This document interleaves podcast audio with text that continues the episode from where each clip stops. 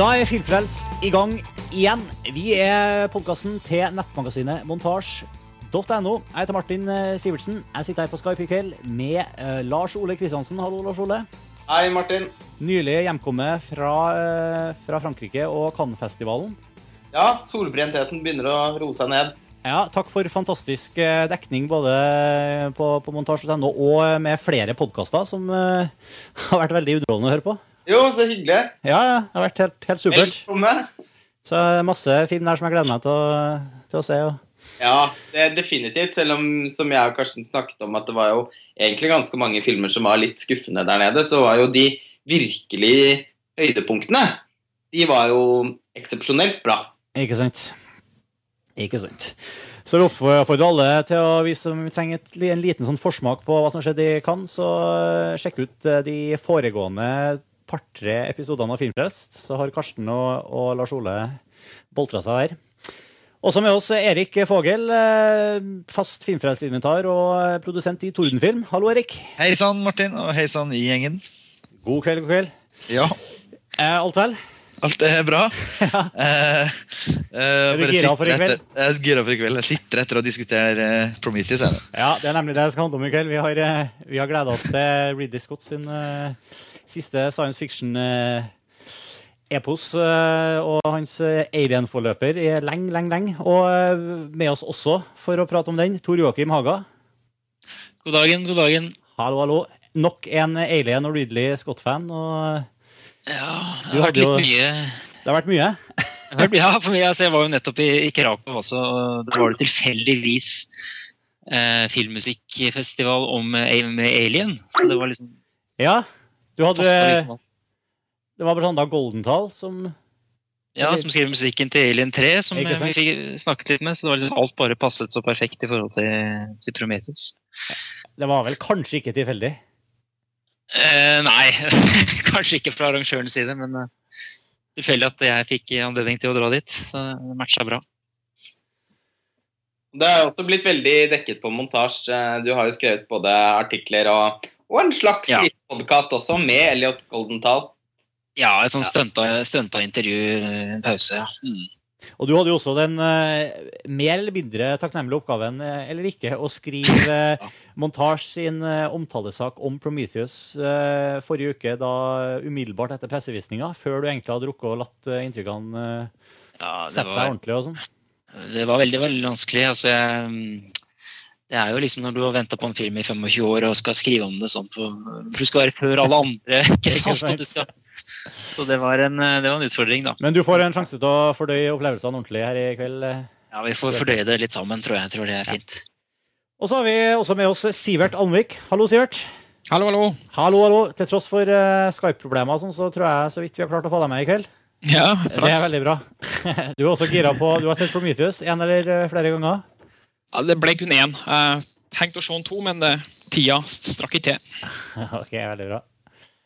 Jo, vi har jo på um, Her på Filmfest har vi jo virkelig dykka ned i, føler jeg, eh, Alien eh, og Ridley Scott tidligere. Vi har jo dedikert en egen podkastepisode til Alien-kvadrologien, som vi eh, kalte det, som nå blir en eh, kvintologi.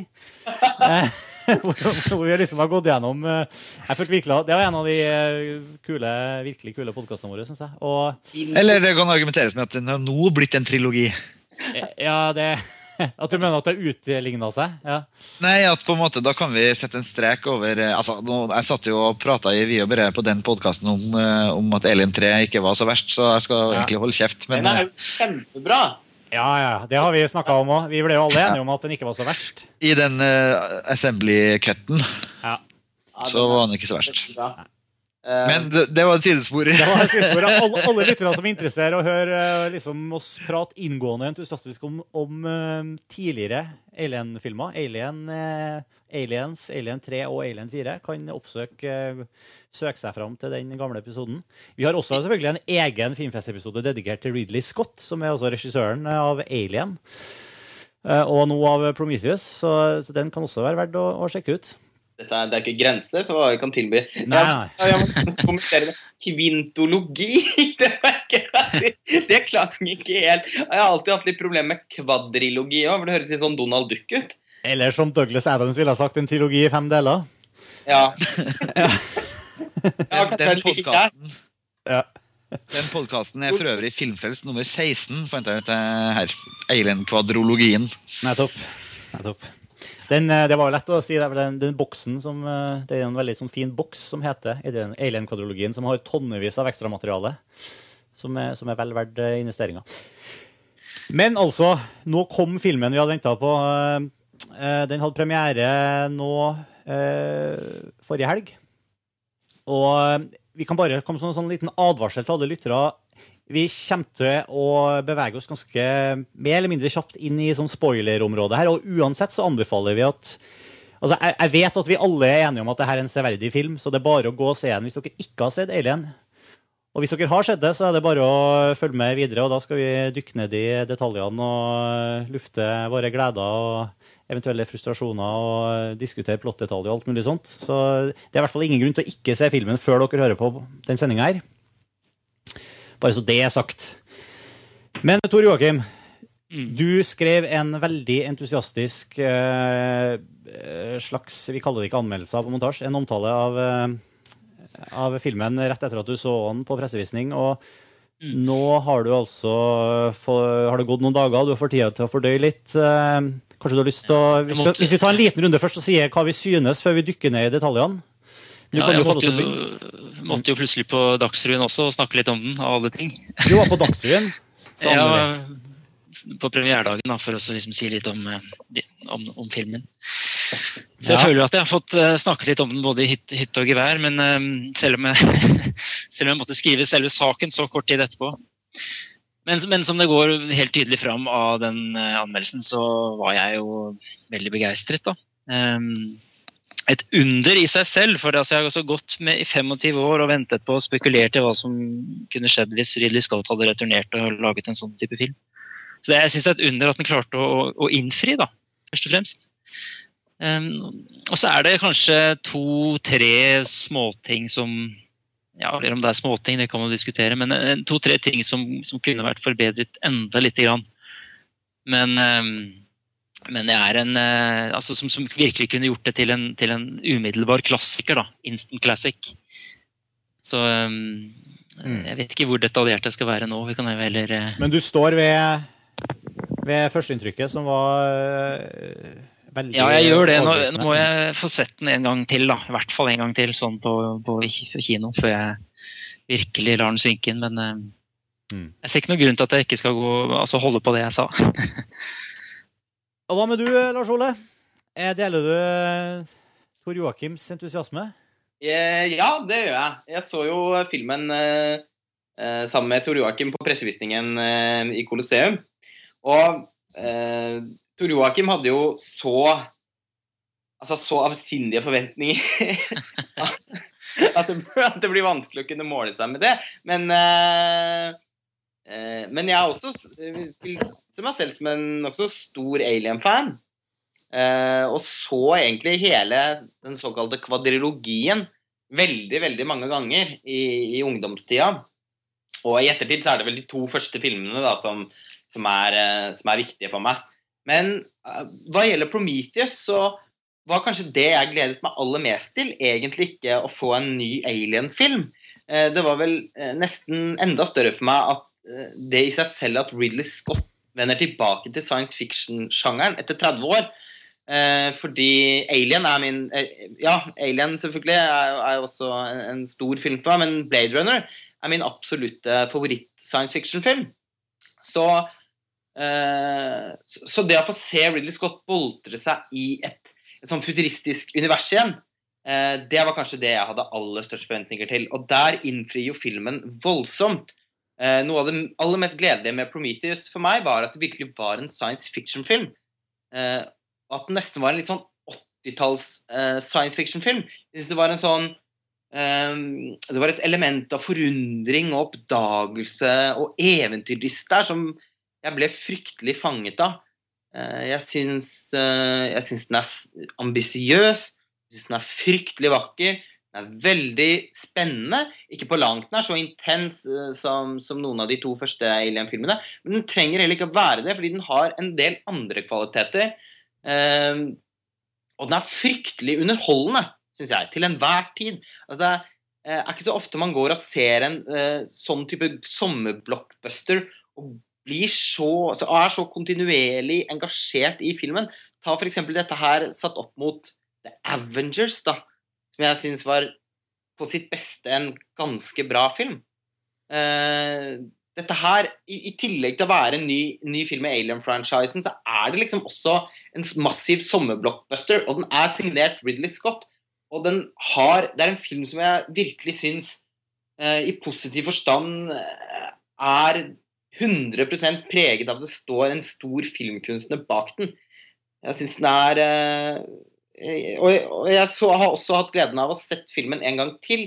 Og jeg likte den enda bedre andre gangen, fordi da kunne også forventningene mine justere seg litt etter terrenget, og da ble jeg bare enda mer imponert uh, over, hva, over, hva, de har fått til. Jeg syns det, det, er en helt strålende film for meg. Mm.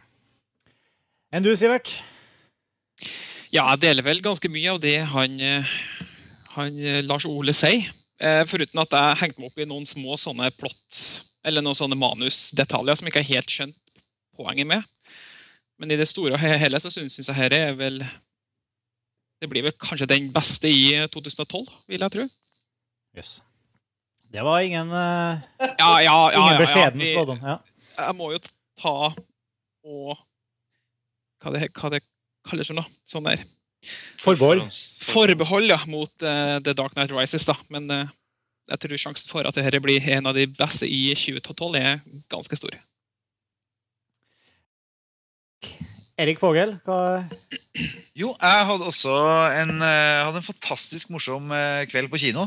Jeg var veldig plaga dypt inn i sjela mi på det her med uh, og har sett så mye promo og trailere og hvordan jeg altså I forhold til forventningene som var altfor høye, jeg regna med at jeg kom bli skuffa uansett. og jeg vet ikke men, men men jeg klarte på en måte å fristille meg ganske bra, tror jeg. For jeg ble med på reisa, og jeg syns det var en veldig underholdende først og fremst, som det Lars Ole sier, en veldig underholdende film. Og jeg syns faktisk den passer veldig godt inn i eh, Altså eh, egentlig inn i alien-mytologien, faktisk. Selv om det er veldig mye folk som har eh, kritisert den for å særlig liksom Altså, jeg har lest utrolig mye sånne vanvittig rasende nerdeinnlegg rundt omkring på internett. for folk, og Det satt noen ved siden av meg og som med en gang det kom en anledning til å snakke opp på det litt duvende temaet som er på rulleteksten, så var det sånn Det er feil! Det er feil! Det er så feil!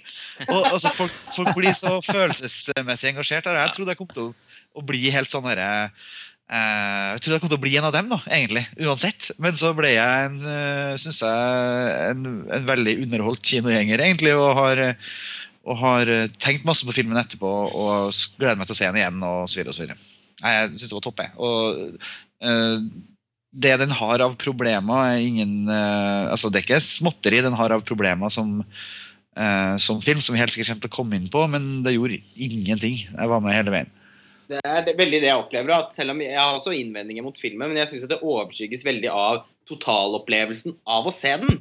Eh, og den har den derre merkelige, eh, litt sånn udefinerbare kvaliteten som sånne typiske liksom, favorittfilmer har. Altså, Den minner meg om de filmene som jeg, som jeg bare så uh, når jeg var yngre. Da, da, husker jeg jeg og kameratene mine hadde noen filmer som vi bare så om igjen og om igjen og om igjen. og om igjen, Blant annet Alien-filmene. Og den filmen har den kvaliteten. Jeg, det er sånn Jeg får lyst til å se den hele tiden. Ja. ja. det er sterkt. Som veldig, men egentlig så er det, mener jeg det litt edruelig òg. Altså, den er sånn Det er en sånn utrolig deilig film å være i, syns jeg. Jeg, må, jeg har litt lyst, før vi går videre, så må jeg bare få komme med min lille mini jeg, jeg, vil kanskje være den som uh, Du får ikke lov å være negativ nå også, Martin. Så er jeg den som kanskje Altså, jeg, jeg, har også enorme forventninger til filmen her. Og jeg, jo, jeg setter jo Alien og Aliens eh, Og jeg setter kanskje Aliens enda høyere enn Alien, men jeg er jo en stor, som vi vet, hvis vi har hørt på tidligere podkaster, uh, stor fan av serien. og ikke minst av Ridley Scott, og har jo ikke bare Blade Runner som min favoritt science fiction-film, men også som min favorittfilm noensinne. Eh, og hadde jo, jeg hadde jo ingen forventninger om at Prometheus skulle være verken Alien eller Aliens uh, eller, eller Blade Runner. Uh, Men, men jeg, også, i likhet med dere føler at jeg fikk servert liksom stor, episk science fiction. Den, den ser jo helt fantastisk ut. Jeg har sett den nå både i 3D og i 2D. og den ser fantastisk ut i begge formater. Det er utrolig velskutt, veldesigna. Uh, effektene er fantastiske. Jeg liker veldig godt mye, veldig mye av stemninga. Um, 3D-en er jo helt sånn eh, eksemplarisk subtil og behagelig og, og, og eh, ikke overdreven og, og veldig sånn ja, perfekt bruk av 3D. Um, Fordi du ikke legger merke til den. ja, det tok Ja. ikke mange minutter før jeg gikk de første to minuttene med umiddelbar sånn 3D-effekt, og så glemte jeg hele 3D-greia. Um, og jeg følte ikke at jeg, heller ikke at jeg savna 3D når jeg så den i 2D etterpå.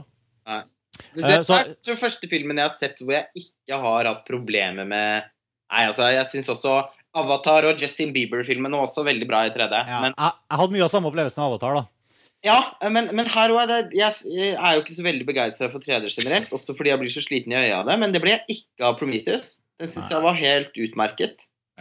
Så, så det, og jeg, i likhet med, og du skriver jo en del om det i artikkelen din, tror jeg, men jeg synes det jeg setter også veldig pris på at filmen har liksom, det er veldig mye spennende ideer og, og tematikk her. eh, og Den har jo veldig mye sånn hommage, eh, veldig fokus på å ha kickbacks til tidligere filmer.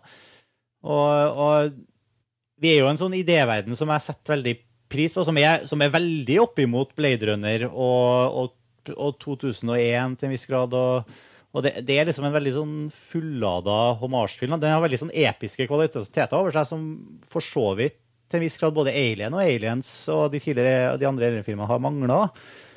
Um, beklager. Um, men, jeg, men jeg må liksom Det som jeg, opp, jeg likevel, da, og det her liksom ble en enda sterkere følelse etter at jeg så den for andre gang, at uh, det som uh, Altså, det som Sivert uh, kalte små plotte manusdetaljer og sånn Jeg synes veldig Det som slo meg i filmen, at jeg klarer ikke å komme unna at den føles ganske klønete sammensatt. Mm. Og det er en sånn uh, Altså Til tross for altså, Det som er av tematikk der, syns jeg, det synes jeg er ganske Ikke bare overfladisk behandla, men, men ganske sånn plumpt behandla. Og det, jeg sliter også veldig med måten den, drama, den dramatiske kurven er satt sammen på, og hvordan filmen er som helhet. Da, til tross for at det er noen sånn veldig flotte og høyst minneverdige sånn enkeltsekvenser, så, så fikk jeg veldig inntrykk av at det her er en sånn det er scener som ser ut som de er satt sammen i en annen rekkefølge enn de kanskje opprinnelig var skrevet for, og det er eh, det, jeg, jeg fikk veldig inntrykk av at det var en film som er nesten er klippet halvt i hjel. Altså. Og jeg, jeg vil gjerne komme inn, jeg har liksom konkrete eksempler og sånn som, som jeg har notert meg i forhold, som jeg kikket, når jeg, som jeg bare fikk liksom bekrefta etter andre ganger. At det var ikke bare jeg som syntes det her var rart. Det her er faktisk, eh, det her henger egentlig ikke helt bra sammen. Og, og så sitter jeg med en sånn gryende mistanke at, eh, og, og kanskje et forhåpning om at i likhet med liksom eh, det spørs, riktig med Kingdom of Heavens originale kinoversjon, så ligger det kanskje en stor film skjult et eller annet sted. Kanskje det ligger et tretimers mesterverk liksom et sted her mellom manus og scratch uh, søppelkurvharddisken til, til Ridley Scott. Men jeg, Det gjør det jo ifølge han ikke. For han gikk nettopp ut i dag og sa at det ikke kommer til å være noen director's cut eh, av Prometheus. Ok. Det er jeg ganske lei for å høre. Altså, for jeg, jeg er åpenbart den som er kanskje minst fornøyd med den filmen jeg fikk servert. Da. Til tross for at jeg har hatt eh, mange, mange, altså, mange timers diskusjoner om filmen etter at jeg så den med dem og sånn som jeg, Men da handla det like mye om tematikk som jeg allerede har fått introdusert i Blade Runner og 2001 andre filmer, som jeg syns er bedre løst der, da. eh, Og mye mer ja. Men, jeg tenker, men det er sånn 2001 er sånn, det er noen sånn helt enorme størrelser å sammenligne dette her med. Blade Runner er jo ikke en enorm størrelse å sammenligne med. Det er jo Blidrid Scott som går tilbake til sin, egne, sin egen tematikk her. Og Men syns og- de tidligere Alien-filmene har en sånn dybde og kompleksitet som du finner i Blade Runner? Det syns ikke jeg. det syns ikke jeg heller. Det, det er derfor jeg heller ikke trekker fram dem når jeg snakker om tematikken. De er jo mye mer fokusert, og det er kanskje et av de største problemene her. da. Denne filmen her virker jo syns jeg, fryktelig ufokusert. da. Og den, Jeg vel- den klarer ikke å på en måte ta noen av sine egne temaer virkelig på alvor, føler jeg, og spille dem fullt ut. Og så, og så syns jeg den sliter med Og når den i tillegg sliter sånn med spenningskurven, på en måte Den gir meg de her store på en måte kinoopplevelsene som jeg, som jeg setter utrolig pris på, men jeg syns ikke den klarer helt å levere på en del andre ting. Da. Det er ganske interessant det, eh, at, eh, to, at mennesker blir født inn i denne verden, og så har man så radikalt forskjellig, Ja. forskjellige opplevelser. For jeg syns den, var, eh, jeg synes den var utrolig fokusert, spesielt, men jeg også skriver i artikkelen, spesielt med tanke på hvor, hvor store disse mytologiske temaene er. Så klarer en liksom å plukke ut akkurat de små relevante sitatene på dialogsiden og ja, symbolikkverdien på det, audiovisuelle til liksom å, å, å holde koken hele veien. Da. Eh, Jeg faller aldri av, og jeg føler ikke at det er noe som mangler her eller der. Det eneste som er, eh, er litt eh, usikkert, det er helt mot slutten. Eh, Men nå har jeg altså da blitt fortalt eh, altså fått noe informasjon nå den siste dagen som gjør at det kanskje ikke er noe hu- hull allikevel eh, mot slutten. Men da snakker du om sånne konkrete ting som, som spiller inn på om det her eh, Om det er liksom Om det er noe sånn eh, Hva heter det Om det hengs Hva heter det Om det er noe kontinuitetsbrudd her i forhold til senere den første Alien-filmen? Ja. Men, men Ja, det, er er det ikke. Eh, det er det ikke, og det kan jeg gå inn på litt senere. Og det er det jeg tror veldig mange her eh, altså, Men det, det- det, det er en del det- forvirring rundt det. Men det er ikke det jeg reagerer først og fremst på. Også. Nei. Det syns jeg ikke er noe stort problem. Jeg kan leve med at det er en annen planet, og det er et annet skip, eller det fins flere skip, eller det er flere sånne pilotstoler, eller hva som helst. Det, Ja. det syns jeg ikke er så farlig. Ja. Nei, det er feil! Det er feil! Ja, det, det er på en måte om det er 11.223 eller 11.426 eller eh, Det er feil!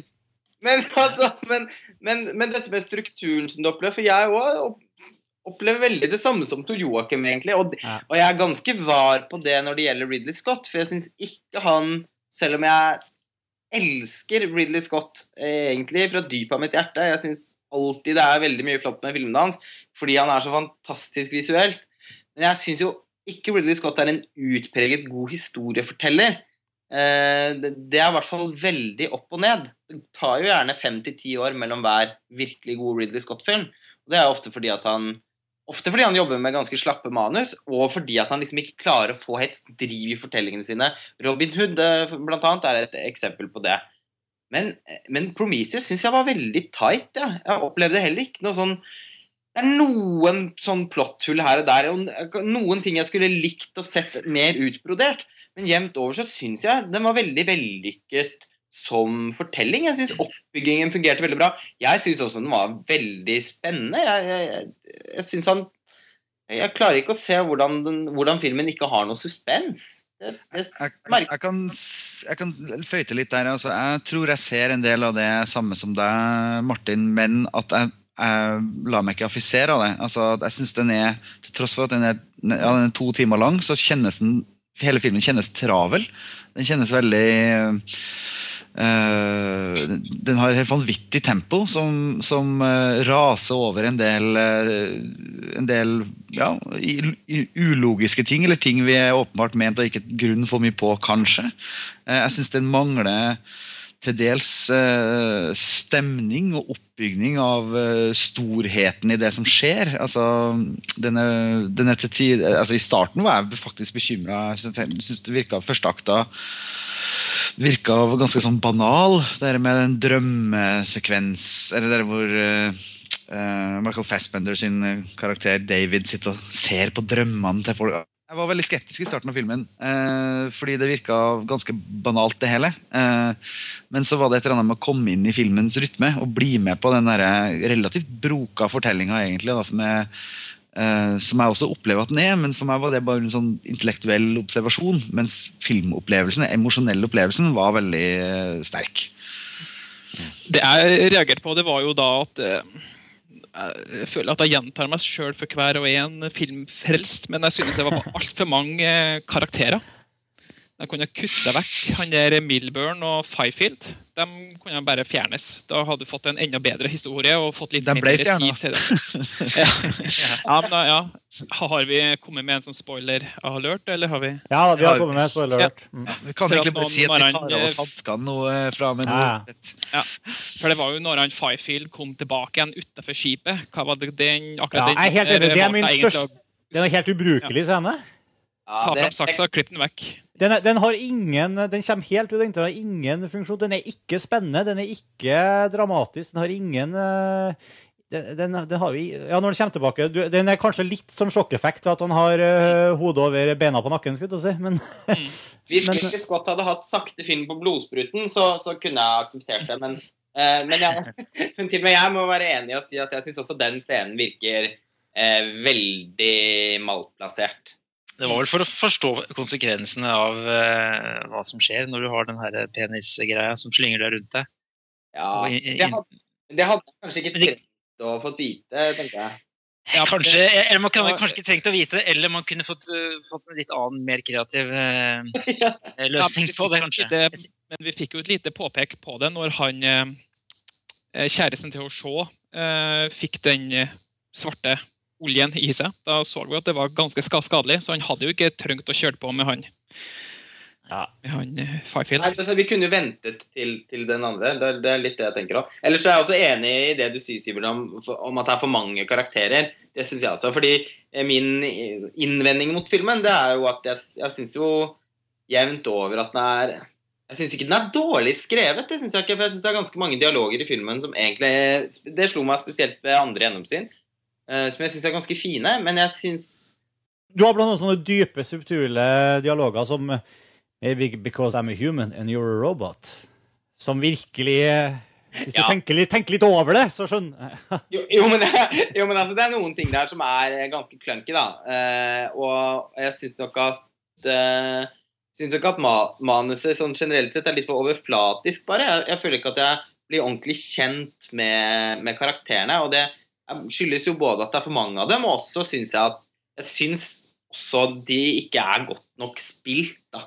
Eh, det var nok den lille Det hjalp også når jeg så filmen igjen, fordi da visste jeg om det. Men en liten bismak jeg hadde første gang, var nok at jeg syns at, at karakterene jevnt over var for underutvikla og litt for ukarismatisk spilt. Jeg, jeg, Mm. syns ikke noe Det er mange som er helt over seg over Noomi Rapace. Jeg, jeg veit ikke. Jeg, jeg syns hun var helt OK, men, men jeg var på ingen måte spesielt imponert over henne, egentlig. Men, men, men, men det er jo liksom hovedpersonen i filmen her føler jo jeg er li, minst like mye fastbender. Og, Mm. Og og, han er- og, han, og han får jo bare virkelig fram kanskje det som jeg syns kanskje er litt sånn Hvis det er noe som jeg syns er sånn interessant tematisk bakteppe gjennom flere av filmene utover det med, med de her xenomorfene og, og, og, og med- Hva skal vi si? Det her menneskelige livssyklus-tematikken og det som ligger i, i det her giger... eh, eh, veldig sånn seksuell-freudianske tematikken, så er det jo det med det syntetiske mennesket som spiller liksom en sånn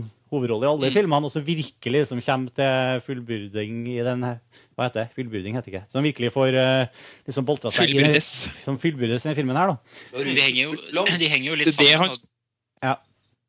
Og det, og, Eh, og, og det er jo liksom eh, replikanten, liksom. Det er jo, det er jo der vi er i det området. Som Ja, menneske. det faktisk han som var mest menneskelig, følte jeg. Det var han som var, Ja. hadde de mest interessante eh, trekkene nå. Men, men jeg kan tenke meg liksom, litt sånn videre på det du sier med den, jeg, den Det var det første eksempelet mitt, Sivert, det du trakk fram med den scenen eh, der hvor han kommer tilbake. Mm. Uh, han, han ene av Er det geologen eller biologen? Jeg husker ikke. Han var vel en geolog, han. Ja. Og, men liksom, det er flere sånne scener som får meg til å tenke at liksom, her, her er det lagt opp til en god del ting som jeg føler har blitt klippet ut, som vi ikke har liksom fått ta del i, og som, virker, som jeg føler meg litt snutt for. Da. Og, det, og det kan være sånn, for eksempel så er jeg, Og det her er jo forsterka av at jeg kanskje er innbiller meg at det er scener i traileren som jeg ikke så i filmen nå, men, men Ja, slutt, det, det slutt, sluttscenen virker veldig eh, stressa. Veldig kjapp. Ja, veldig kjapp. Han, og der kommer han herre uh, uh, ingeniøren. Ingeniøren kommer inn i denne escape-poden og bare Han rekker ikke å komme inn i døra engang før hun åpner porten, og så er det noe sånn blekksprutsekvens uh, som snytt ut av uh. Ja. Det er en uh, eh, var vel ikke facehugger, var det? Det er vel mer ja, en En, bodyhugger. en kjempeprototype på en facehugger. Ja. Blekksprut. Ja, men liksom den ja, jeg, jeg vet ikke. Den, den virka veldig stressa. Og Og jeg har også sett, skjønner jeg mener også at det er mer bilder i den ene traileren fra den konfrontasjonen ja, mellom Shaw og han eh, ingeniøren. Ikke sant? Eh, er så gøy å si det på norsk. Han ingeniøren er borti, borti her. Uh, at de har helt sikkert en stirrekonkurranse eller kanskje noe større, større ting der. og Jeg syns også det var fryktelig fort. Så, og så er det sånne ting med altså, karakterbygg altså, Veldig mye av starten av filmen er liksom uh, Hva skal jeg si Det er så mye eksposisjon i starten da, som, som er sånn åpenbart sånne plants som du bare håper, som du vet liksom er der bare fordi at skal, du skal ha en payoff på det senere. da. Hvilke ting tenker du på da? Nei, jeg tenker på sånn eh, eh, liksom, det, det, det er veldig mye av dialogen som jeg, jeg, jeg i hvert fall reagerte på. Jeg følte var veldig sånn det, så, så, så forutsigbart. Ja, ekspositorisk, men- ja, ekspositorisk, sånn i forhold til og, ja, her er det, liksom det med oksygennivå, det med lifepoden til hun Vickers det, Ja, den- det, sånn, Og alle sammen skjønte jo at Vickers var liksom dattera, og at uh, Veiland var om bord på skipet liksom fem år før det ble avslørt i filmen. Og uh, det virka liksom sånn klønete, for å bruke det ordet igjen. Altså. Jeg, jeg, og, og, og en annen ting er for eksempel, som jeg, også, som jeg føler at ting har blitt klippet ut. Det det med, du, dette her er jo en sånn klassisk filmfortelling, egentlig. Da. Det er veldig Ja. vanlig. Man planter ut ja, ja, det er veldig vanlig, men uh, jeg liksom ser for meg at det kunne ha blitt Gjort litt mer med, fin med litt finesse. mer med finesse. Og, Yes. og, så, og så har du her, det her, hvis dere- det her fiolinsekvensene, for eksempel. Ja. Og det her med det fløyta, og det at han Fassbender skjønner altså, han, han kan språket. Du har det med, med det våpenlageret som kommer ut av studere De, de snakker om at det er et våpenlager som legger for det. De, de, de oppdager at det er det. og det, det er veldig mye ting her som jeg føler er sånn, litt sånn hulter til bulter, og at det, det, er ting vi er ment å skulle ha sett, som vi ikke har fått sett. her, og det, jeg vet ikke, jeg, jeg, jeg, jeg sitter med sånne følelser med at, eh, at uh, det ligger mer her da, som jeg på en måte ikke har fått med meg. Kanskje vi får håpe at Jean-Luc Godard lager Prometheus 2. Ja. Han som gjør det, ja. Posisjon. Nei, men, men jeg, jeg, jeg er langt på vei enig med deg, Martin, at det er veldig mye her som ikke tåler dagens lys, eller en sånn filmfrelst eh, som vi gjør nå, eh, uten at vi egentlig har gått så veldig mye inn i detalj. Da. Men, men jeg syns eh, ting gjør jobben eh, der og da. og Jeg syns at han kanskje kunne ha eh, Det første store feilgrepet jeg mener de gjør, er at når de først gjør den enorme oppdagelsen, de lander skipet sitt til, tilfeldigvis like borti gata fra der hvor eh, interessante ting skjer. Um, En hel planet, og så finner han det med en gang. ja, så finner de en gang, og så bare beiner de av gårde. De skal Ja. dit med en gang. Det er ikke liksom, de, han stopper ikke opp og tar en pause over, eh, over liksom, hva er det, det at de nå skal kanskje møte menneskehetens skapere. Liksom. Det, det er liksom ikke noe å tenke over noe særlig. Det, det er litt sånn Veldig til negative Og så er, og så er de Jo, så, jo, men det her så fra en som- utrolig uvitenskapelige. De er Ja, jo det- så altså, lite ja, forsiktige og Men, men på fortellinga Men, men Ja, du altså, når kjem- fortellinga er gjort så underholdende likevel, så kjøper jeg alt det der. Jeg godtar det. Let's, go, let's move on. Ja, ok, shit, vi hopper på de kule kjøretøyene deres og kjører gjennom ørkenen. Ja, men se der, ja. Der var det noe sånn kjempehode og noe greier. Oi, og her er det noe greier og noe greier. Og så, og så bare ruller og raser det av gårde. Så skal Eh, vi ta med oss hjelmene. Det var det beste. Ja. Du, kommer til en planet, og du vet ikke hvilken virus eller bakterier som finnes der. Og så bare Nei, hjelmen skal av. og så sier de at de søker etter liv i den enorme siloen der, og så finner de ingenting. Men så ser vi jo de markene, som blir veldig viktige etter hvert. Som de tråkker på. Sånne små marker inni det rommet til det hodet. Det har de ikke klart å funne når de har skanna etter også, og så, hva med den, altså Etter du har den her fantastiske abortscenen Den er jo helt, Det er jo Ja, den det nye det. Chestburster-scenen. Den er jo utrolig kul. Men, men liksom etter det så er det bare sånn nei, alle, det er, Hele resten av romskipet later som det ikke har skjedd noen ting. Hun har jo slått eh, besetninga. av Fastfood. Den bryr seg ingenting. Liksom. Nei, hun, det, det er liksom ja, ja. Det, det ingen reagerer i det hele tatt. Det er ikke noen ting som uh, tyder de, på at det har vært en sånn uh, sekvens i det hele tatt. Men de er ikke der. Det er jo det- det som er greia. De driver ja. med andre ting. Men vi er jo ganske strenge òg nå. Her kom to Joakim i, i eh, forsvar. da. Nå har vi virkelig pirka hardt. Ja, men jeg bare Åh, men, Nå er jeg veldig spent på å høre litt fra Tor Joakim. For jeg tror han Ja. Jeg har så høye forventninger, liksom, og de, selvfølgelig blir de ikke møtt, liksom, men jeg føler liksom at jeg har blitt møtt med en sånn Kingdom of Heaven-situasjon. altså. Jeg klarer ikke å komme unna det. Jeg synes det virker som også kanskje at eh, dere er veldig preget av, av at dere har forventet at filmen skal være på en måte som den kanskje ikke er. Eh, jeg opplever jo ikke Sammenhengende, mener du? Ja. Ja, men altså, jeg jeg syns ikke den er så usammenhengende. Altså. Nei, ikke jeg heller. De aller fleste filmer i den sjangeren må man svelge noen kameler med, på en måte. Det er science fiction. Ja, men, ja, men det er så rart når du har en sånn serie hvor du vet at folk sitter og pirker på detaljer. Jeg forventet ikke at uh, Prometheus skulle være noe sånn tungvekter av noe sånn filosofisk mesterverk. Eh, eh, da- da vil jeg liksom jeg, jeg forventet ikke at dette skulle være Andrej Tarkovskijs Solaris, liksom. Eh, det, det er hovedsakelig en, en underholdningsfilm. Eh, og en fryktelig velfungerende og vakker underholdningsfilm, synes jeg. Kan komme mer til, vi må jo åpenbart snakke mer om det estetiske. Eh, men eh, Tor Joakim, eh, det var egentlig du som skulle snakke nå. Nei da. Nei, jeg bare sittet og hørt på eh, det dere sier. Um, Det var bare jeg som eksploderte etter at alle altså, Jeg også er litt Nei, men Jeg er langt på, jeg ser jo veldig mye det samme. og Du setter fingeren på noe veldig viktig. Lars Ole. Det her er en underholdningsfilm. Den er ikke, og det er i forhold til det du sier, Martin, at det her er en film del av en filmserie som folk elsker å pirke og plukke og kikke i detaljer på. Men det, det er ikke for dem. Altså, det er ikke for dem som sitter på rad 13 sammen med meg og sier nei, nei. Det er for det her er en stor Hollywood sommerblockbuster. Og den, eh, det det den Noe annet det kunne ikke Willy Scott lag. For det budsjettet der.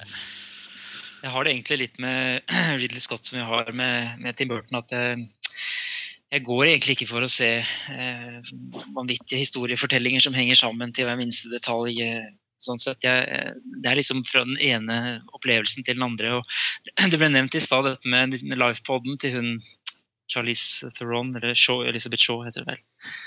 Eh, og jeg er så utrolig sjeleglad for at han hadde med akkurat den sekvensen. For maken til nydelig sammensetning av det der sterile science fiction-greiene og den her nydelige eh, lerretet med, med, med, med svaiende kornestrå og jente som spiller. Og det var bare sånn What the fuck is this? Det var bare reiste seg på samtlige hår, hele kroppen, altså. Helt enig. Der, derfor går jeg og ser Ridley Scott. Det er for akkurat for sånne sekvenser, altså det jeg kaller for sånn viserale, sånn som går som rett i magen på deg.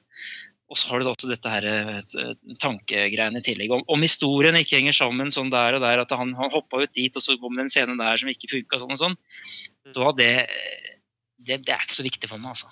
Nei, altså fordi jeg, Starten husker jeg. ja, men, Det jeg, var helt utro- utro- utrolig. Det var litt sånn der eh, Tarkovskij over det. Jeg satt nesten med tårer i øynene og så på den her. At de fløy over jorda, og så tok en Det var jo der verst inngangsbilletten, bare starten. Fortekstene, Ja, herregud. ja, det var jo til å grine av. Men, men jeg veldig, kjenner meg veldig enig i Tor Joakim eh, sin beskrivelse. da, fordi det er nettopp også de tingene jeg setter pris på med Ridley Scott. Det er ikke noe sånn superkompleks eh, fortellerkunst som, som Altså, se på Kingdom of Heaven Directors Cut, da. En fantastisk film. Men det er jo ikke Det er jo ikke liksom fortellerkunsten i den filmen som som er det som sitter igjen hos meg. Den er ganske klønete, den òg. Men for, så, mye, så mye det hjalp når den ble klippet ordentlig. Hæ? Så utrolig mye det hjalp når den ble klippet ordentlig. Ja, ja, altså jeg snakker om Director's Cut. Den Ja. versjonen vil jeg aldri se igjen. Um, den var forferdelig. Uh, på en helt annet nivå enn enn Prometheus. Eh, så så jeg, jeg kan ikke helt kjøpe den sammenligningen der. Jeg syns at uh, Kingdom of Heaven kinoversjonen var en maltraktert film. Eh, som Ridley Scott heller ikke sto for selv. Der var jo Director's Cutten Altså, det, det er bare den jeg forholder meg til når jeg, snakker om uh, den filmen. Men den er også ganske sånn Det er mange digresjoner, det er partier som er litt sånn uforløste. Men det er jo likevel ikke det som Det overskygger jo ikke min opplevelse av den filmen. Det er nettopp eh, det Tor Joakim sier, det er de her viserale sekvensene til Ridley Scott som, som gjør at jeg rett og slett bare blir helt nummen, da. Du sier at det er mange av i Prometheus. Jeg føler det er Bildekomposisjonen er så makeløs. Det er sånn nydelig bruk av mise en. Eh, Scenografien, altså produksjonsdesign i Prometheus, er jo det beste jeg har sett på ja, lenge. i hvert fall. Og, og, og, og Scott sine lyssettinger, bruken av motlys, partikler som virvler rundt i rommet, røyk Bare den scenen eh, like før eh, eh, nummeret pass, eh, og han andre skal ligge sammen, hvor han kommer inn på rommet, og hun sitter der og har antent seg en sånn eh, Tent på noe sånn røkelse som røyker opp mens lyset kommer igjennom et slags eh, Ja, noe som kunne lignet et vindu. Eh, Mhm. helt Altså, det er sånn Da får jeg sånn virkelig sånn nesten sånn følelsen av å se Blade Runner igjen. Eh, og jeg, jeg, har ikke Jeg syns ikke Ridley Scott har fått boltret seg sånn visuelt da, på, på mange år som han gjør med, med den filmen her. Og det er jo i seg selv eh, det viktigste av alt. Jeg er helt enig. Og så Siden er det at jeg satt og prompa på filmen i stad, så er jeg helt enig i det du sier nå. Det, så er det så deilig at han, at han ikke bare kopierer liksom verbatim det, det uttrykket han utforsket i, i Alien. da.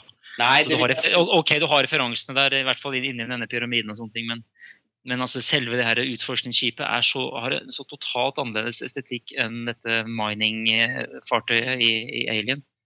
Men allikevel, så potent, da. Og det er liksom, syns jeg er fantastisk. Ja, ut- bare nydelig, f.eks. dette kontoret til Charlize Theron med det flygelet, Ah, ja, det er det jeg snakker om. Og det er lerretet bak som viser sånn naturbilder, og bare Ja. liksom Ja, det, er jo helt, det er jo liksom hele menneskehetens kulturarv liksom oppsummert i en liten lifepod. eh. Ja, så digger jeg også de her anakronismene inni dette veldig futuristiske eh, romskipet, da. Altså lysekronen, basketballnettet Som vi husker fra Alien 4.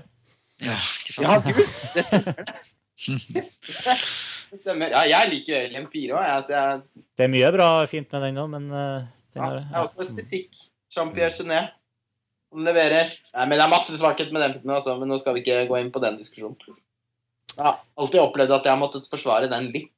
Men la meg spørre dere, nå, nå er jeg den minst filmvitende av oss, tror jeg, og den som Jeg har ikke sett Lawrence of Arabia på dødslenge. Så, så hva, hva, hva legger dere i, i det, Peter O'Toole og Lawrence of Arabia, som du har brukt en del tid på her? Vi, vi, jeg snakket litt med Lars om det også etter filmen. Um, det er jo for det første et, et klikk da de sitter og ser på Lawrence of, eller han, um, eh, David ser, et, ser på filmen, i, som også for øvrig er i 3D inne i 3D-filmen. Det er jo kult. fantastisk. Eh, men så, så kommer han med et sitat litt senere i filmen fra filmen som handler noe om noe ørkener og greier.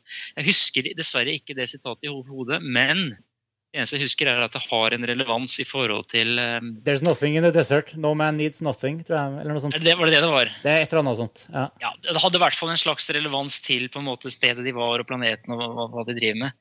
Så, så det var sånn jeg tolket den. At det var, en, var et poeng til at den var der. Det var ikke bare for å liksom være show-off. Han ligner jo veldig på Peter O'Toole i den filmen, og, men jeg, jeg, liksom, jeg, jeg, tok ikke, jeg, jeg klarte ikke å hente ut eh, symbol, symbolverdien derfra, men det er kanskje fordi jeg ikke har eh, Der tar jeg gjerne imot noen innspill fra leserne, som eh, er lytterne. Det var jo også der, The trick is never minding that it hurts. Ja, det fikk jeg heller ikke noe ut av, egentlig, i konteksten av Nei, det er jo Han, han er jo robot. Han har jo ingen, Ingen følelse. Følelse. ingen følelse. Ja, det What a trick. Og så har han s, s, eh, Big Things Have Small Beginnings er vel kanskje også noe derfra. Jeg vet ikke. Eh, Er det ikke i det hele tatt veldig flott at bare At hele karakteren er tenkt sånn at han, at han modellerer seg selv etter Lawrence i Lawrence of Arabia? Ja, At han forsøker å ligne Peter O'Toole både i hårsveis og væremåte. Bare det er jo en helt strålende idé. Det som egentlig er fantastisk som forlengelse av det, er jo at han, at han også det er jo sånn nerdgreie men at han også i tillegg til det kanaliserer veldig mye av Ian Holm, da, som spilte Ash i den første filmen. altså Han har en del av de samme sånne mannerisms som, som det Ian Holm hadde. Det syns jeg var sånn stas, da, som nerd. blant annet egenskapen av, av mist hodet. ja, det, det, det er en egen greie, det. det Ja. For, eh, Men det, ja, men det er litt sånn med de filmene, de setter alltid kunstig intelligens i et dårlig lys. Det er litt sånn eh, deterministisk at eh, alle sånne blir ond etter hvert fordi at de har en helt annen logikk enn hva mennesket. Det syns jeg er litt sånn interessant, at de velger å fortsette å kjøre på akkurat det.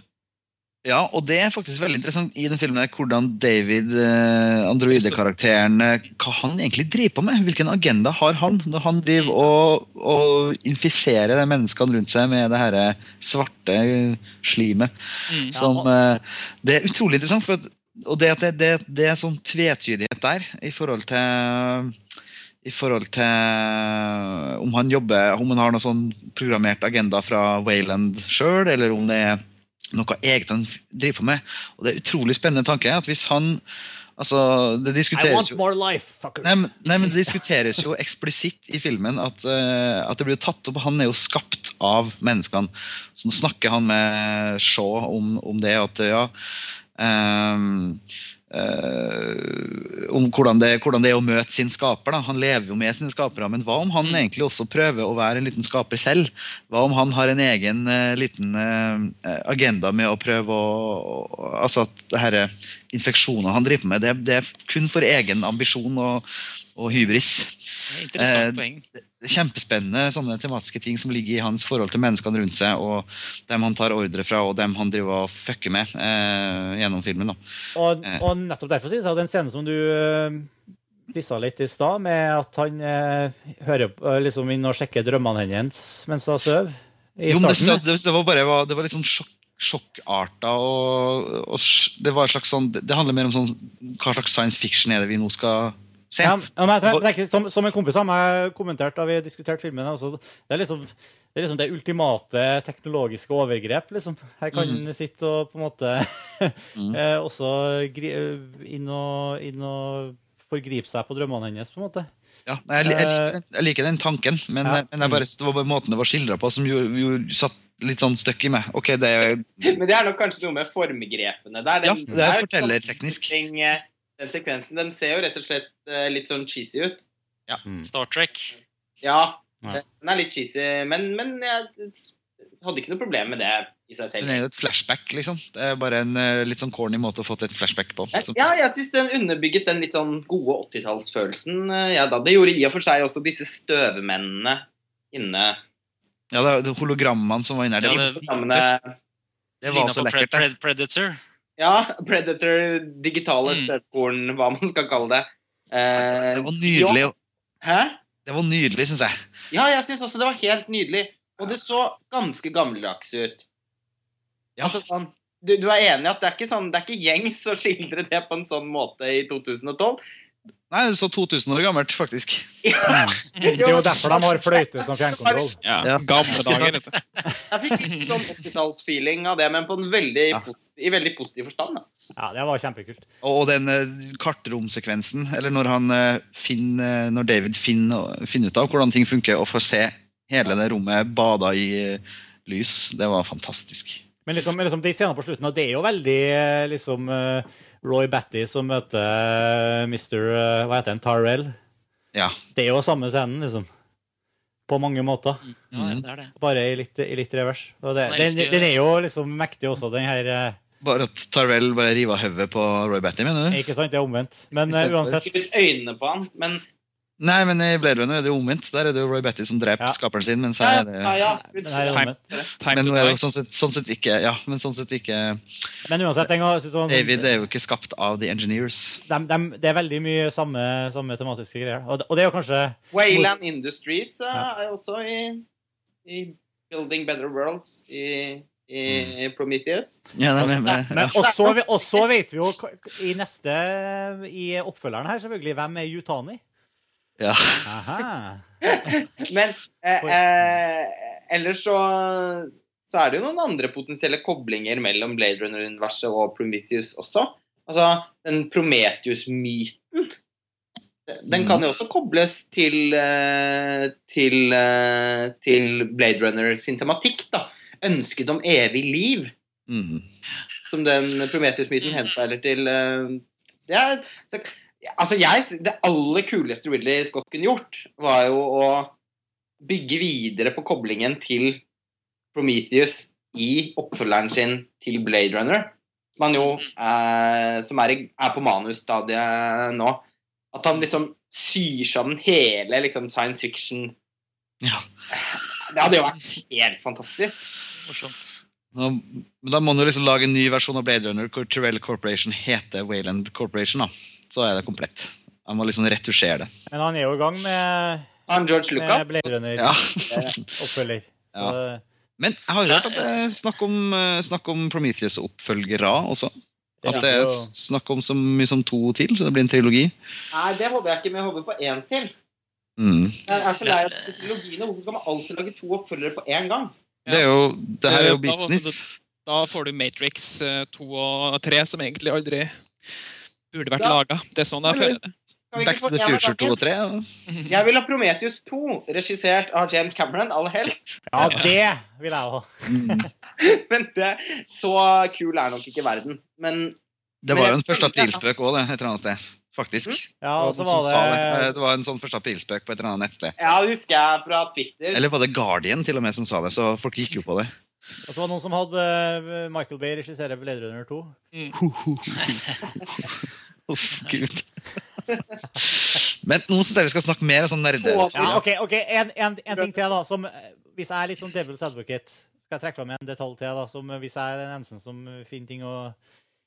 En av tingene som jeg har satt pris på ved tidligere Alien-filmer, det er måten han bruker på en måte miljøting da, til å skape sånn veldig sånn eh, Til å liksom bruke de fysiske omgivelsene til å skape en veldig sånn eh, som, sånn dramatisk eh, element. da. Her, liksom I Aliens så hadde de veldig sånn markant med de herre og eh, motion trackerne, de bevegelsessensorene, og brukte det veldig sånn effektivt for å si at nå nærmer det seg aliens. Og I Aliens var det jo luftesjaktene, og Alien 3 hadde jo de her gangene og korridorene som du liksom fikk sånn førstepersonsperspektiv i det alienene fyker gjennom. og eh, Du har aliens i veggene liksom, som kravler rundt i aliens og sånn. da.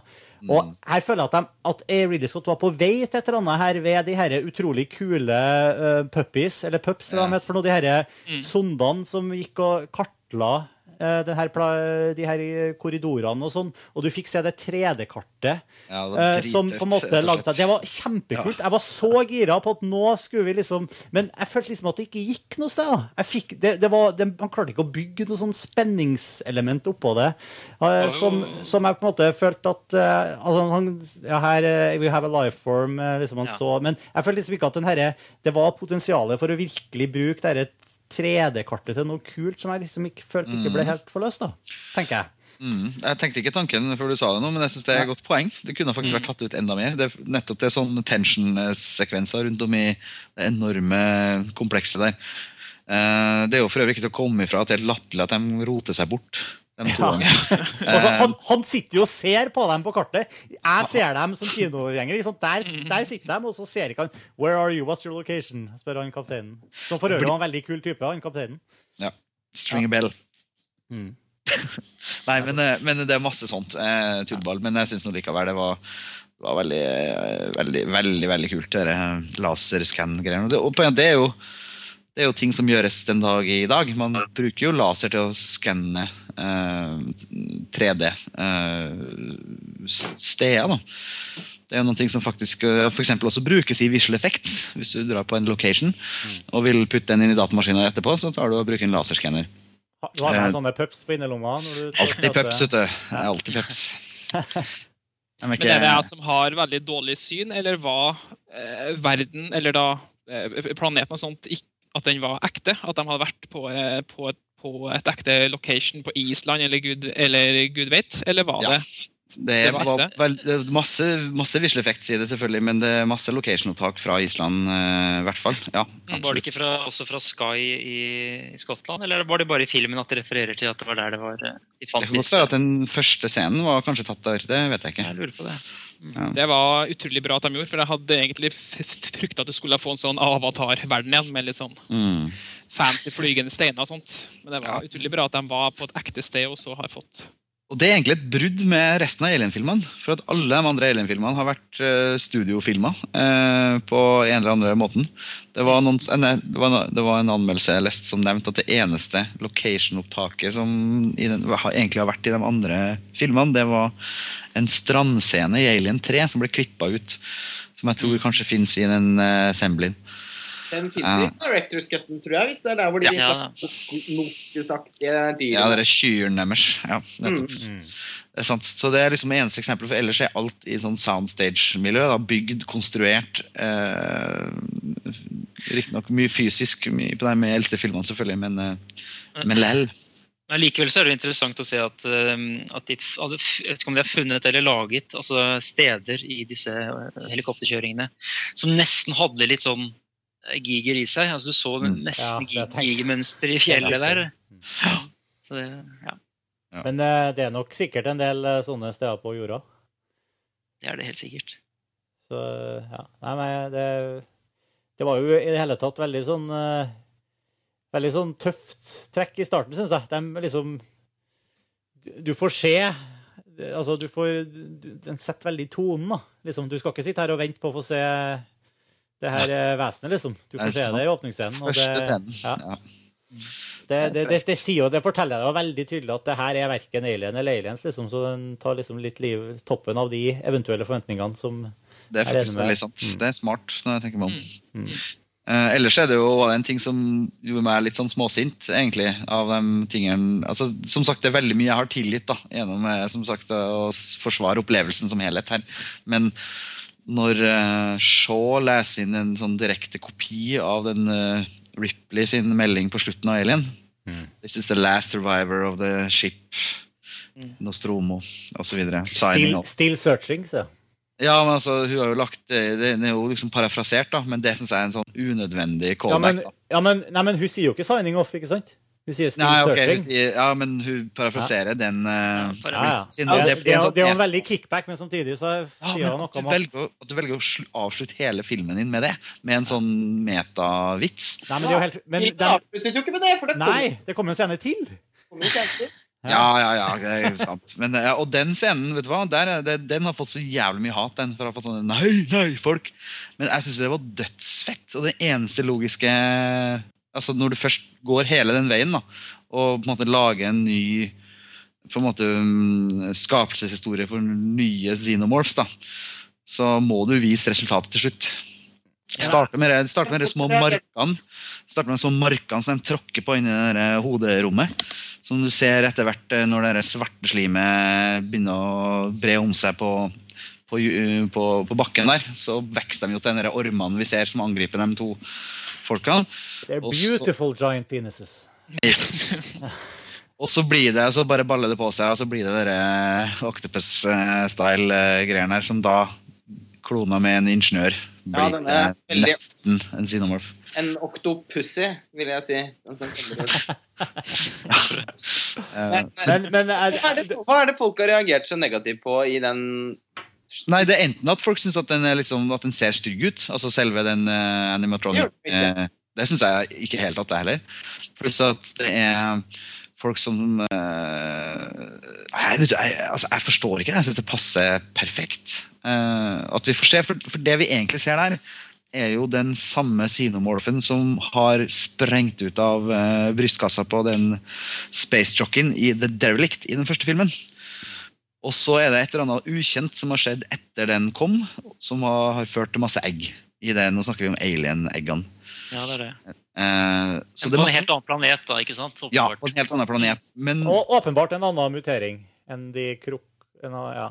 ja, kanskje, kanskje det har gått gjennom enda flere ledd på 11426, eller hva den planeten heter i Alien. Eh, men det er liksom åpenbart for meg at det skipet som de fant i filmen fra 1979, var jo en annen, et annet skip som også var på vei til jorda med den samme måte dødelige lasten, men som eh, ikke klarte å komme seg unna, og som krasja på en naboplanet. Det skjønte jeg først etter at jeg skrev min anmeldelse, så det, men det, det, var, det er et godt poeng, det, altså. Mm, Men, jeg, men jeg, eh, det, synes, det mener jeg at den passer faktisk i den passer faktisk, den legger ikke nødvendigvis opp til Alien, men, men den hører sammen med den større historien. Og det som jeg synes er litt kult, at man går faktisk an å se det sånn at det er omvendt. Det er ikke Prometheus som er prequelen til Alien, men det er faktisk Alien en spin-off av Prometheus.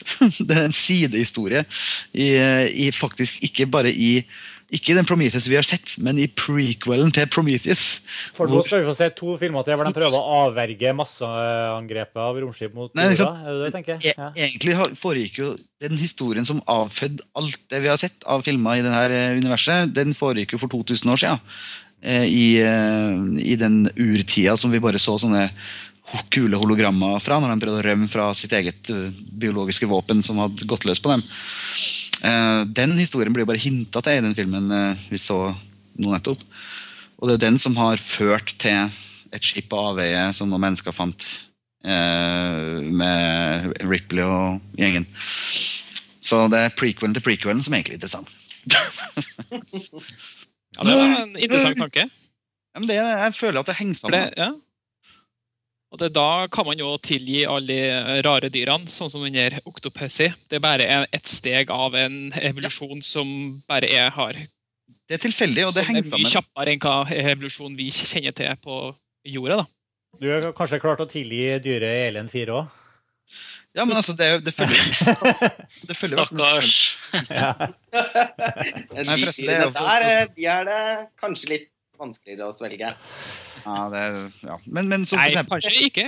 Kanskje at eh, Prometheus eh, faktisk eh, gjør det uh, legitimt nå, siden Ja. det romvesenet har en kraftigere evolusjon enn hva det vi har. Men det var noen sånn klone... Pluss at vi fucka med det òg, da. Ja, det var jo det er litt som PU-avdelingen av Alien Nei. Ja. Ja, nå var jeg stink. Men, men ja, det er jo det. Nei, men, men sånn sett er Xenomorph Xenomorphen, nå vet vi etter å ha sett Prometheus at Xenomorphen var et biologisk våpen utvikla av denne ingeniørgjengen, Ah. og som på en måte tar karakteristikkene til det, den møtet av liv. da. Den har, og så bare utvikler det seg derfra i forskjellige retninger, avhengig av hva den angriper. da. Og tar over og chestburster eller munnburster eller hva den uh, gjør. Det, det gjør at det henger sammen, men jeg, vet, jeg er ennå ikke helt bestemt meg for om jeg liker eh, Jeg synes Jeg det digger litt det. Jeg synes vi fikk Jo, jo, men altså, at disse her eh, ingeniørene ble litt mye Star Trek, altså med eh, sånne eh, humanoider og så med noen mørke øyne og sånn. Jeg syns Ja, på en måte det er det fascinas- jo- Det jo Fascinasjonen med de første filmene er jo nettopp at det er så anti, eller liksom the other, da, for å bruke freudiansk begrep. Ja, er nå, blir, nå, nå blir det noe veldig sånn menneskelig med, med denne, disse ingeniørene som du ser fysisk, og svære mennesker med mørke øyne som snakker sånn på, sånn der, som heter den der språket i Star Trek. Eh, Altså, det, som, det som er litt skummelt her, da, at, at vi går over til en sånn veldig sånn uh, mystikk her, som forsvinner litt til fordel for kanskje litt mer av den herre greia som du ser i eh, John Carter, med liksom eh, veldig avanserte sivilisasjoner som går rundt i sandaler og blåser i fløyta og har hypermoderne teknologi, som kanskje er litt skummel å tenke på. eh, hvis Men, men jeg kan ikke klandre Ridley Scott for å ikke ha lyst til å lage nettopp de møtene med The Other som han har gjort i Alien, og som Cameron fulgte opp ganger 1000 i Aliens. Jeg skjønner at han har, altså, og som det ble påpekt, han åpner Prometheus med å vise Vise eh, det her eh, humanoiden med en gang. Og, og så bare for Ja, å skru veldig. hodet. Det er liksom det, er litt det samme som eh, med noen band eh, jeg liker som jeg, folk sier sånn der, Ja, faen, nye plater. eh, hvor er blitt av gitarene? Liksom? Faen, da. Så sier jeg, ja, dem kan du høre på de platene som kom på 90-tallet. Liksom. Eh, Ja, jeg er veldig enig, da. Det er sånn jeg pleier å argumentere òg, f.eks. med Kant. Eh, Så ja. liksom, her, var det, her var det faktisk svensk jeg tenkte på, altså, men det var Bob Hund. ja, men altså, Kent eh, kastet jo gitaren, og nå har de kommet dessverre funnet tilbake til gitaren igjen, da, og det ble litt kjedelig, men um, for noen år siden så kastet de jo gitarene på hylla til fordel for synten, verdens beste instrument.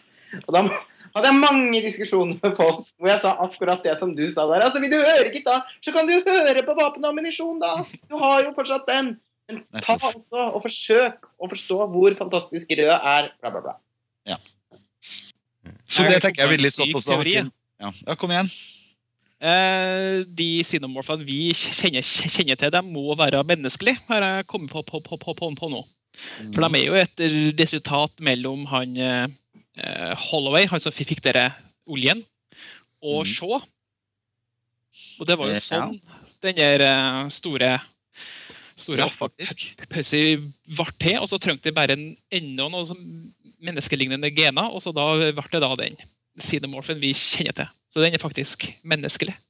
Bortsett fra da det- er problemet med at det er 2000 år siden og sånn.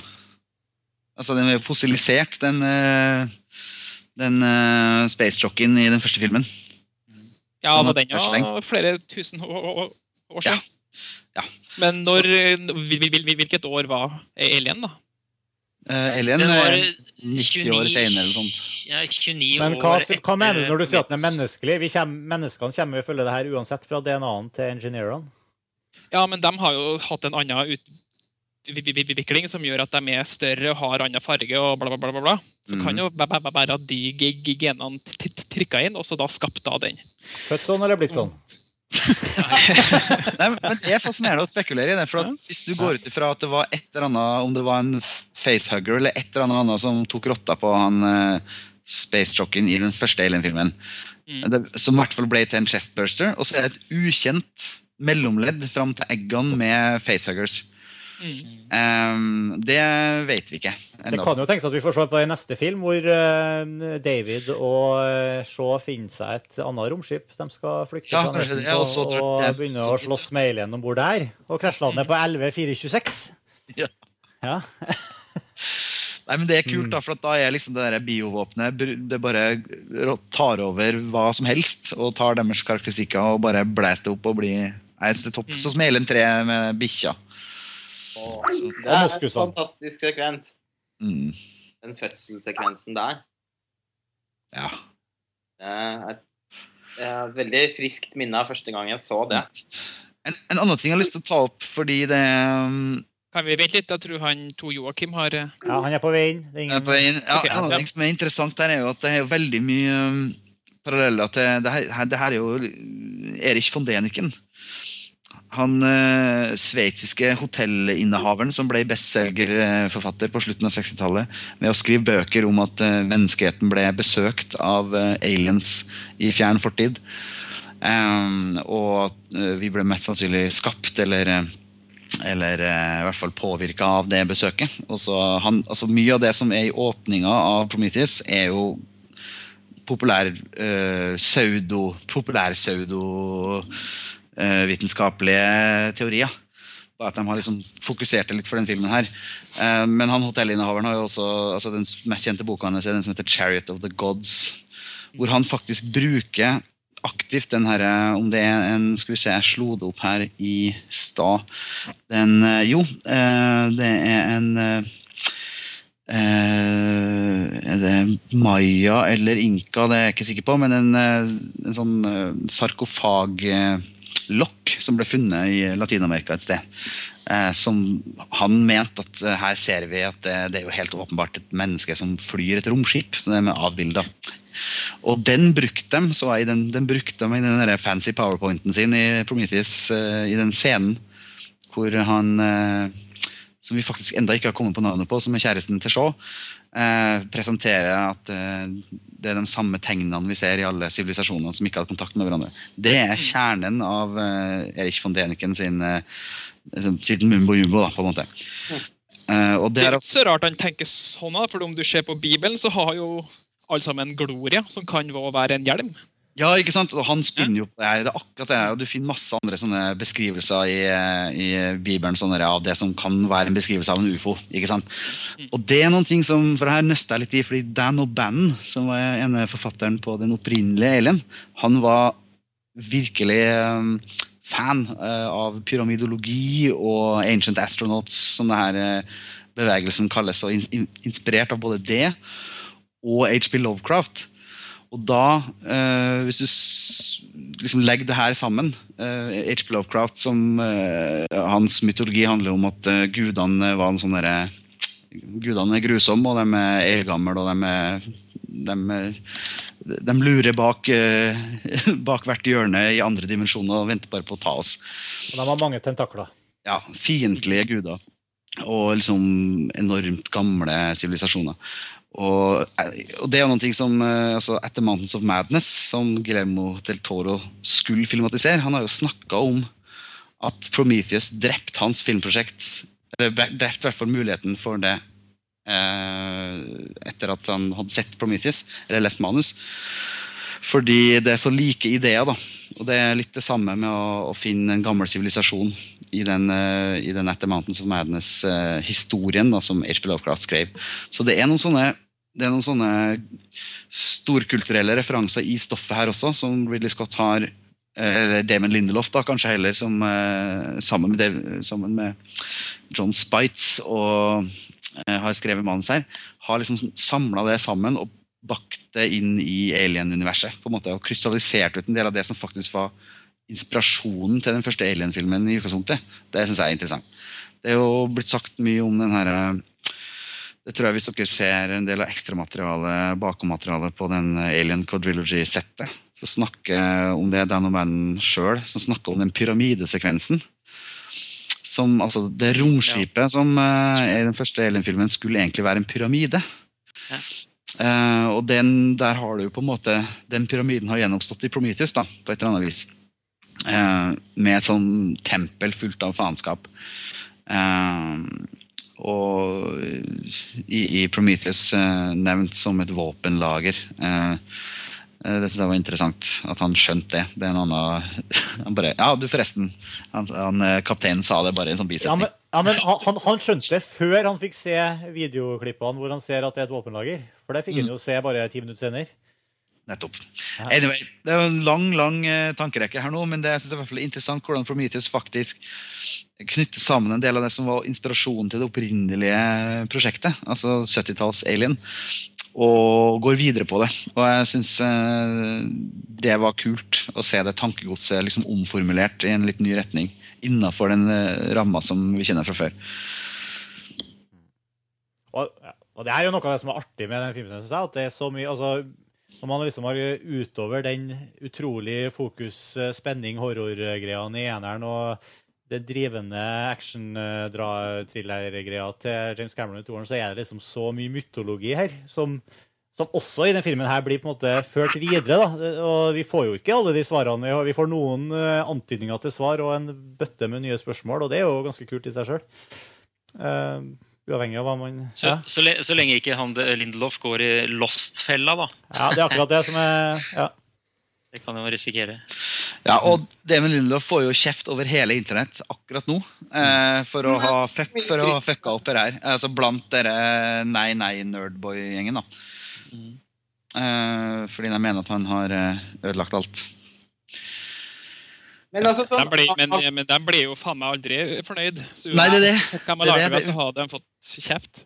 Ja. det, det tenker jeg også. Så sånn, ah, hvis vi skal nærme oss en slags eh, oppsummering, så, så tenker jeg at det er mange måter det er både mange måter å foregripe Prometheus på, det er mange måter å vurdere Prometheus på. Eh, man kan vurdere den som, eh, som, som prequelen til Alien, på en måte. Og så kan man vurdere det som, som en Ridley Scott-film. Og så kan man vurdere det som en sommerblockbuster eh, i, i science Mhm. fiction-sjangeren. Mm. Og eh, jeg vet ikke hva som skal være tyngst. For meg så var det tyngst eh, som en Ridley Scott-film.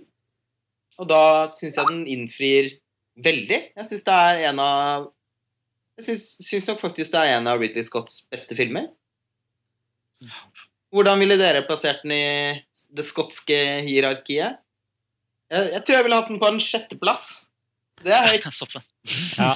For når du sier en av Ridley Scotts beste, så tenker jeg ja eh, Jo, kanskje, men hvis han har eh, jeg, vet- ja, jeg er helt enig, kanskje på sjetteplass, eller, eller- men altså ikke på topp tre, liksom.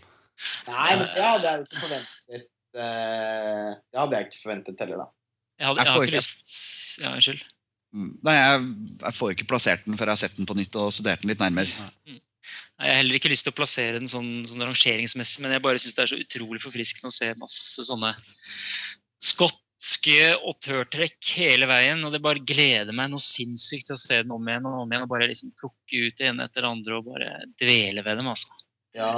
Det er Altså, motsetning til hans andre filmer som kom for eksempel American Gangster, og, og sånn, Ja. så får du nå muligheten til faktisk å tenke sjøl. Det er Ja, så får Ridley Scott en arena hvor han på en måte kan folde seg ut fullstendig, da. Det er litt sånn kult at uansett, liksom, selv om vi har ganske forskjellige meninger om liksom, hvor god filmen er, sånn, og hvor enkle kvaliteter, og sånne ting, så er vi jo alle over enige om at det er en, en, liksom, en eh, utrolig heftig eh, film- og kinoopplevelse å se den filmen. Og det er jo, det liksom, og det er jo Ridley Scott uh, sin honnør uh, på en måte som nesten bare Ridley Scott kan. da. Den kommer til å gå inn i historien, eller filmhistorien som er en av de bedre sci-fi, vil jeg tro. Og, ja. Jeg skulle sagt, over jeg, Avatar. jeg skulle sagt ønske den var litt mindre klønete fortalt. Og der har jo andre igjen dere syns, ja, Noen sier jo ikke det i hele tatt. Andre er enig, men er villig til å tilgi det. Og, Ja. ja. Jeg, tror liksom, jeg, jeg, jeg tror sikkert alle opplever at man også har innvendinger mot filmen. Bare i litt forskjellig grad. Jeg tror mer det er liksom hvor vektskåla faller hen. For for meg så blir det bare veldig visket ut av alt det jeg satte ekstremt pris på, på med filmen. Som da især er disse Ridley Scottske særtrekkene. da. Mm. Den er så utrolig vakker. Den er jo helt hinsides. Fra første til siste scene så føler jeg på en måte at vi er i veldig gode hender, da.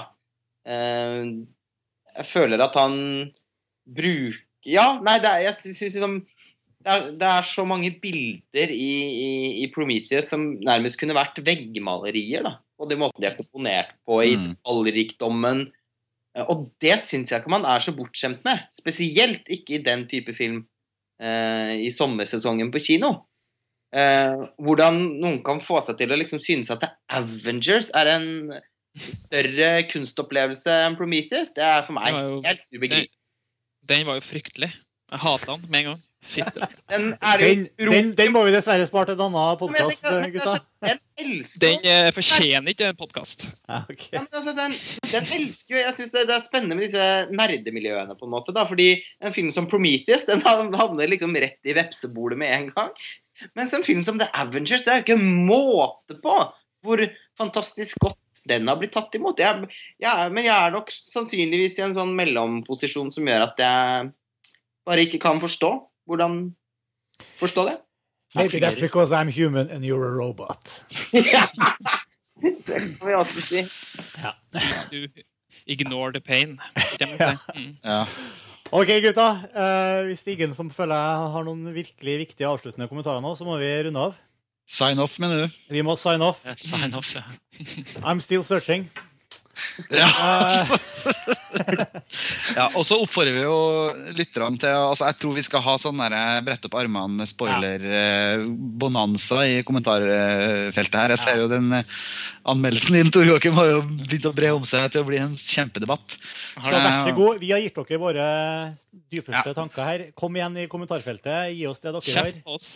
Og Ja. diskuter Prometheus, Alien, Ridley Scott. Eh, vi lover å lese hver eneste, hvert eneste innlegg. Mm. Og, og kanskje til og med hoppe inn i diskusjonene, som jeg vet vi ivrer etter å gjøre nå. Som vi, og vi kan gjøre det etter den podkasten her. Og Hvis det er noen som mot formodning har hørt podkasten uten å ha sett filmen, så gå for guds skyld og se filmen. Ja, absolutt. Det er jo, Jeg regner med at alle kan vende tommelen opp og, og, og gi en anbefaling. For det er tvilsomt at det kommer veldig mange filmer i sommer som er bedre enn dette her. Det vil også oppfordre dere til å gjøre. Hvis dere liker Filmfrelst, så legg igjen en eh, eller sånn, Gi oss noen stjerner på, på, i iTunes. En liten kommentar. Sånne ting. Eh, hvis dere ikke liker oss så, eller har noe utsett, så send oss en mail. eh, det er filmfrelst.montasj.no. Eh, ellers kan vi si at eh, jinglemusikken vår er det bandet Ping som står for. Og Ping har nettopp sluppet et nytt album som heter The Hurricane Spoof.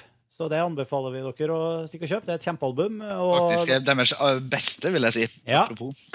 stikk på thepingpage.com for mer om Ping og det nye albumet.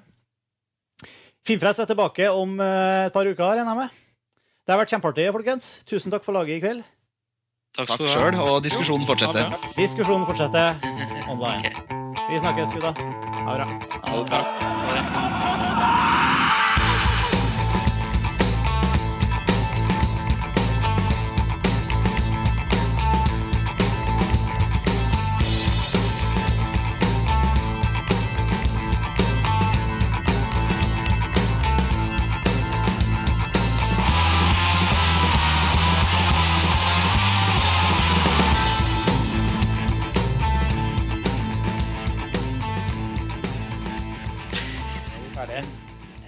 Yes.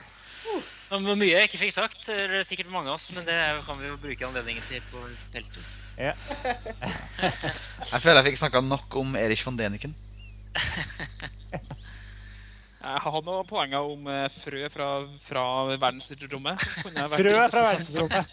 Ja, hva, hva NASA, eh, har oppdaga at det er enkelte frø eh, på jorda som klarer å komme seg unna eh, gravitasjon og drive ut i verdensrommet. Og det mener jeg at kan ha vært med og sådd livet på, eh, på jorda. da. Ja, det har jeg hørt om. Det er en, eh, det er en teori absolutt om at det, det spørsmålet, i det store spørsmålet om, om uh, livet oppsto på jorda eller kom til jorda. ja. Det blir en litt annen skrekkfilm. Det blir som en sånn Children of the Corn med sånn frø